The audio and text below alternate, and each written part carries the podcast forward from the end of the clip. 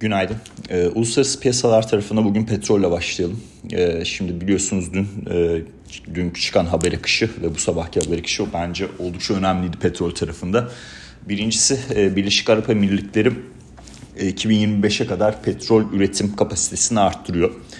E, bu e, petrol fiyatları negatif bir e, gelişme ama anında fiyatlama olmayacak bir gelişme. Çünkü bu petrolün fiyatlama yapısına baktığımızda kısa vadelerin çok daha yüksek olması, uzun vadelerin daha düşük olması üretim kapasitesi haberinin anında kısa vadeli petrol fiyatlarındaki düşüşe e, hızlı bir neden e, sağlamayacağı düşünülebilir. Ama genel yapı olarak e, Birleşik Arap Emirlikleri'nin emirliğinin e, petrol üretim kapasitesini arttırıyor olması oldukça pozitif. E, Suudi Arabistan'da da aynı durum vardı biliyorsunuz. Biden görüşmesi sonrası ilk e, açıklanan haber buydu. E, herkes e, üretim miktarını mı arttırıyor dedi. Hayır kapasiteyi arttırıyordu.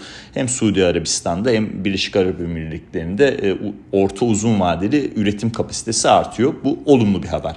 Yani tabii dünya açısından işte bu greenhouse gazların salınımı işte karbon salınımının artması vesaire bu ayrı bir tartışma konusu ama en azından enerji arzı noktasında petrol arzı noktasında iki tane major oyuncunun üretim kapasitesinin arttırma durumu söz konusu.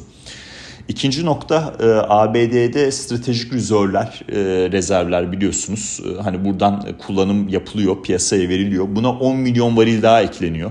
E, ABD stratejik rezervlerinden 10 milyon varil daha piyasaya sür, e, sürecek. E, bu da e, oldukça olumlu bir haber. E, bu daha kısa vadeli o tarafı da etkileyebilecek bir haber. E, açıkçası e, yani arz yönlü problemler çok konuşuluyordu. Daha sonra talep yönlü problemlere gelmiştik. Ee, şimdi tekrardan böyle Aralık ayına doğru yaklaştıkça işte e, Avrupa Birliği'nin 6. paket yaptırımlarıyla beraber e, tekrardan arz yönlü problemler konuşulur mu sorusu altında ABD stratejik rezervlerinden 10 milyon daha bir köşeye ayırarak hani piyasaya vermek adına e, en azından o tarafı biraz daha dengelemiş oldu. Bu da e, fiyatlama açısından aslında negatif e, diyebileceğimiz bir gelişme. Üçüncüsü Avrupa'da e, resesyon risklerinin ciddi oranda artıyor olması hatta bence stagflasyon e, durumunun artıyor olması. E, yani Bloomberg'un işte ekonomistlerin beklentilerini topladığı anketler var. E, ara ara zaten herkes konuşuyor bunları. Ee, geçen ay %60 e, olan 12 e, ay sonra Avrupa'daki resesyon olasılığı bu ay %80'e yükselmiş. Hani bu da işte talep yönlü problemlerin oldukça e, masada olduğunu gösteriyor. Zaten global resesyon risklerinin bana kalırsa ciddi oranda arttığını zaten belirtmiştim. Hani buna karşılık işte enflasyon yapısı, hangi varlıklar daha fiyatlanır vesaire getirir sağlar. Bunları da dün konuştuk zaten. Hatta notlarda da paylaştım istiyorsanız okuyabilirsiniz.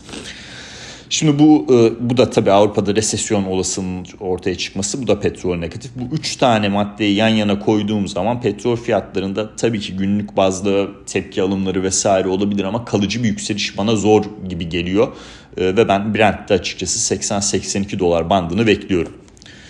Şimdi oradan e, tabii Biden e, tarafına geçelim. E, yani aslında dün çıktı bu haber de ben e, çok da anı hemen paylaşmak istemedim. E, ama sorular gelince bir paylaşma gereği duyuyorum. Bu Tayvan'la ilgili olarak e, yani işte orada Çin ani bir ani bir askeri müdahale yaparsa e, ABD'nin de buna karşılık vereceği e, konuşuluyor. Biden bunu belirtiyor. E, yani bu tabii yani çok ciddi problemler yaratır. Ee, Çin gibi bir ülkenin e, hani e, Rusya gibi çok fevri davranarak bir gecede böyle bir şey yapacağını düşünmüyorum. Ee, hatta Çin liderinin kitabını okuduğumda e, açıkçası dengeye çok önem veren ve işte stability'ye önem veren bir lider olmasından ötürü böyle fevri bir çıkış yapıp hani ABD ile Çin'e aniden aniden e, bir e, askeri e, karşılıklı durumda bırakacağını pek zannetmiyorum ama yani bunlar belli olmuyor biliyorsunuz. Böyle bir Biden tarafından da açıklama geldi. Tayvan'da eğer Çin bir askeri müdahalede bulunursa ABD'nin karşılık verebileceğine bağlı olarak. Ee, onun dışında yani Çin tarafında Rusya'ya olan e, yaptırımların delinmesi eğer e, söz konusu olursa yani burada tabii delinmesi eğer söz konusu olursa çok ya bence gerçekçi bir yorum olmamış. E, tabii böyle diyecek. E, yani delinmesinin ispatlanması durumu olursa diyelim. Yani daha gerçekçi durum bu bence. E, bu durumda e, işte Çin'e e, yatırım tarafında ABD'nin e, birdenbire işte çok daha sert ve işte çok daha az bir yatırım belki yatırım olmayacak şekilde e, bir e, konumlanmaya geçebileceğinden bahsediyor. E, ya bu da aslında Mart ayındaki 2022 Mart ayındaki konuşmanın bir benzeri. Yani eğer Çin Rusya'ya yardımcı olursa gerek finansal sistem gerek askeri vesaire burada ciddi bir problem olacağı yatırımlar bazında belirtiliyor. Ee, yani bunu açıkçası anlamak çok da zor. Yani çünkü Çin e, deli gibi e, petrol alıyor e, Rusya'dan. Ya açıkçası ya bu durumda yardımcı oluyor mu, olmuyor mu vesaire tartışma konusu. Yani sadece Çin almıyor, dünyanın birçok ülkesi, hala Avrupa ülkeleri de dahil. Avrupa'dan da almalar, alımlar devam ediyor. Hollanda vesaire yani Rusya'dan petrol alıyor. Ee, dolayısıyla herhalde bu bir şey öncesi bir baz gibi ben anlıyorum. Hani Avrupa Birliği o 6. paketi eğer Aralık'ta e, geçirebilirse Macaristan itiraz etmezse ki bu hafta sonu Macaristan'a alınan sert tavırın ben ondan dolayı olduğunu düşünüyorum açıkçası. Ee, ya Macaristan'da onaylarsa diyelim ki e, ve Rusya'ya karşı o petrol e, yaptırımı da geçerse günün sonunda bunu artık e, daha böyle sert bir şekilde uygulamak isteyen bir yapı olabilir. Ee, onun öncesi bir taban yapılıyor olabilir ama hiç yani ben açıkçası çok gerçekçi bulmuyorum. Ee, yani Rusya'nın petrolü de doğalgazı da e, bir şekilde dünya ekonomisine e, girecektir. Avrupa almamak isteyebilir. O kendi tercihidir. Enerji kriziyle de boğuşur ondan sonra kış aylarında e, ama dünyaya olan e, satışı vesaire bana çok gerçekçi gelmiyor açıkçası. Hani bununla ilgili hatta çok güzel bir kitap ben bu konuyla ilgili değil fiziksel ham maddelerin ticaretiyle ilgili tarihi ve fiziksel traderların işte geçmişini ve bugüne getiren bir yapıda anlatan Financial Times'ın da geçen sene en iyi iş kitapları kısa listesinde bulunan The World for Sale kitabını e, okursanız e, yani ham madde tüccarlarının, fiziksel ham madde tüccarlarının e, muhakkak bir yol bulduğunu e, bütün e, jeopolitik durumlar vesaire karşı anlarsınız. E, bu da o bu da belki de o anlardan biri olacak bilmiyorum. E, onu takip edeceğiz. E, Avrupa e, yaptırımları Aralık'ta tam anlamıyla geçirebilirse. Durum bu. Uzun uzun anlattım bu tarafı. Hani Biden tarafı tamam. Ee, ekonomik verilere geçecek olursak Japonya'nın enflasyonu bu sabah e, manşette %3, e, çekirdekte %2.8 açıklandı. Ya tabii bu rakamlara bak bakan e, bazı ülkeler gıpta ile izleyebilir bu enflasyon rakamlarını. Yani çünkü yani Amerika'da %6, %8, Avrupa'da artık böyle %10'lar vesaire. Hani e, İngiltere'den bahsetmiyorum bile. E, gelişmekte olan ülkelerde durum çok daha vahim tabii ki.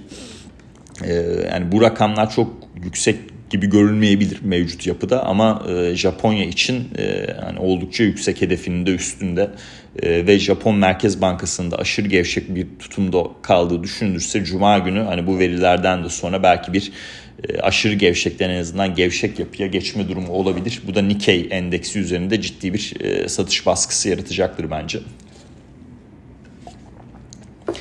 E, Almanya üfe verisi yani kötü gelmeye devam, kötüden kasıt yüksek gelmeye devam ediyor üretici fiyatları endeksi. Yani euro tarafında bu bir açıkçası baskı oluşturacaktır.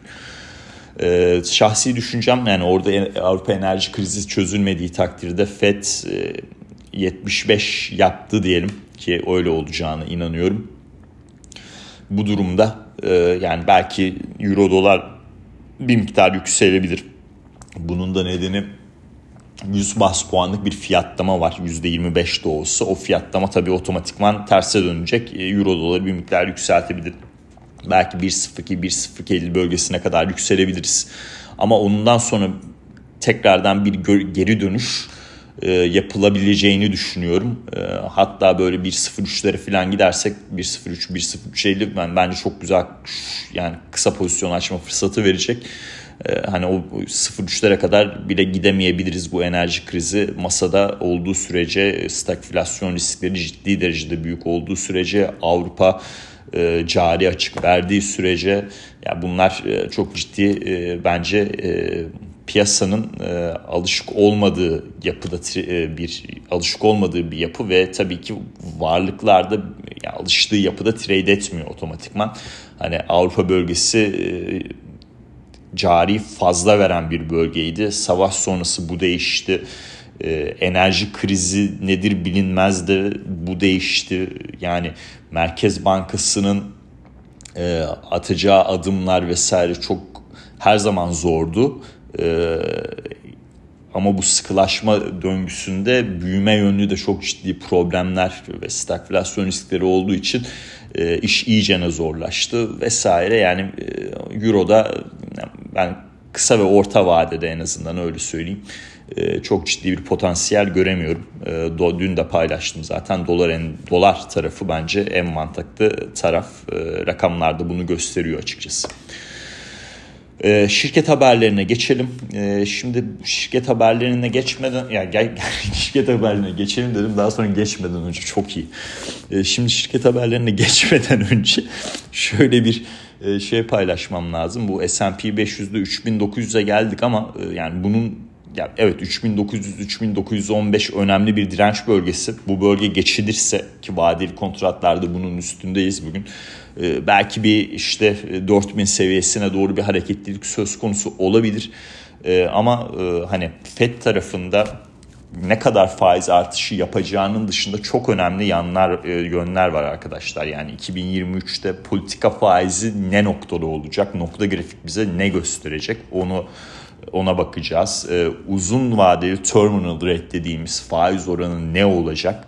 Ee, çünkü e, faiz arttırdıktan sonra bu sefer onun üzerine çıkmış olacağız. Bu da e, ekonomiyi sıkılaştıran daha böyle e, restrictive policy dediği yani özünde e, enflasyonu düşürebilmek için daha böyle sıkı bir politika faizi noktası. Hani o ne olacak ona bakacağız ekonomik büyüme tahminleri nasıl revize edilecek, işsizlik oranı nasıl revize edilecek bunlara bakacağız.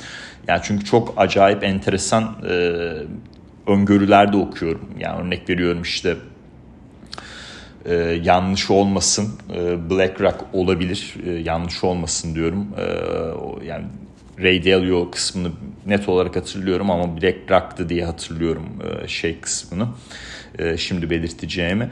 Ee, yani eko, şeyin %2'ye enflasyonun e, manşet enflasyonu ABD'de tekrardan %2'ye düşebilmesi için yaklaşık 3 milyon kadar bir işsizin ortaya çıkacağı bir yapıdan bahsediyorlar. Yani zaten ekonomi ciddi bir daralma e, sıkıntısı yaşar e, bu çerçevede. Hani bunlar ne kadar gerçekçi olacak vesaire yani bunları göreceğiz ama en azından yarın e, bu ekonomik projeksiyonlar tarafı nasıl olacak onları da takip edeceğiz. Büyüme ve işsizlik oranı e, tarafında ve Powell'ın basın toplantısı tabii önemli olacak. Yani frene basma konusu e, en azından yakın vadeli artık çok gerçekçi değil. Jackson Hole konuşmasının arkasında kaldığı sürece yani piyasadaki kendi mantalitesini, Fed'in mantalitesini enflasyon beklentilerinden daha çok cari enflasyon e, seviyesine getirip orada birkaç tane veride e, çekirdekte düşüş hızında kanıt alınması noktasına getirmişti. E, erken bir frene basma hatası yapmama adına Bu tabii ne kadar doğru bir şey e, o da tartışılır. Çünkü cari enflasyona bakmak e, aslında geç bir şekilde de frene basma noktası da, da anlam ifade edebilir. E, bu da tabii tartışılacak ama basın toplantısı da önemli olacak. Dolayısıyla hani e, piyasa riskiyle ilgili kalıcı bir çözüm şu anda yok. Hani kısa vadeli tabii alımlar gelebilir, daha sonra satışlar gelebilir vesaire. Ama şu an için hani genel yapıda evet işte S&P 500 tekrardan e, yükseliş e, tarafına geçiyor veya işte Haziran diplerini bir daha görmeyecek e, yorumunu yapmak çok doğru değil bence.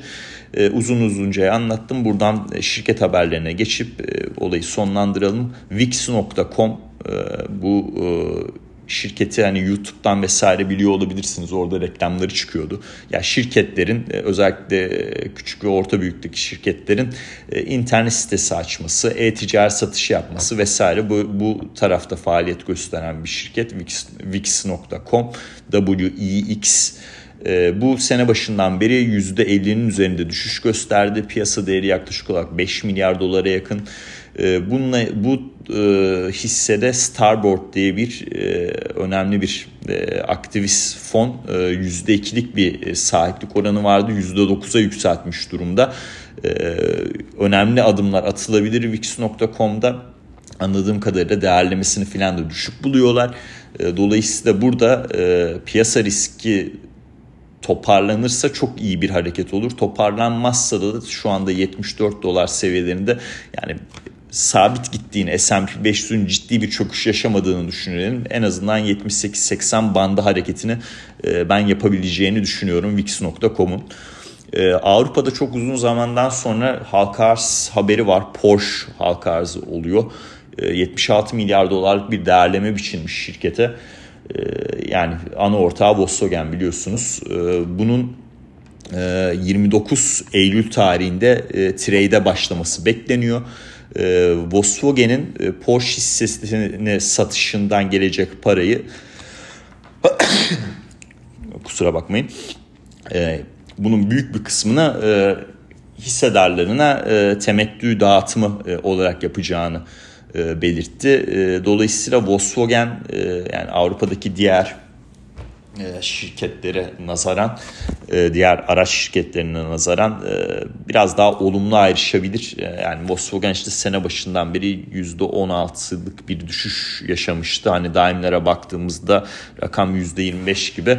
Yani belki Volkswagen Long ve Van Ordu W3 Long, Volkswagen Long, Daimler Short ee, bu e, Porsche e, halka arzı sebebiyle belki burada da bir yüzde beşlik bir yüzde onluk da e, bir pasta söz konusu olabilir. Hani bir şirkette long diğer aynı sektörde bir şirkette long diğer şirkette short olursanız da burada hem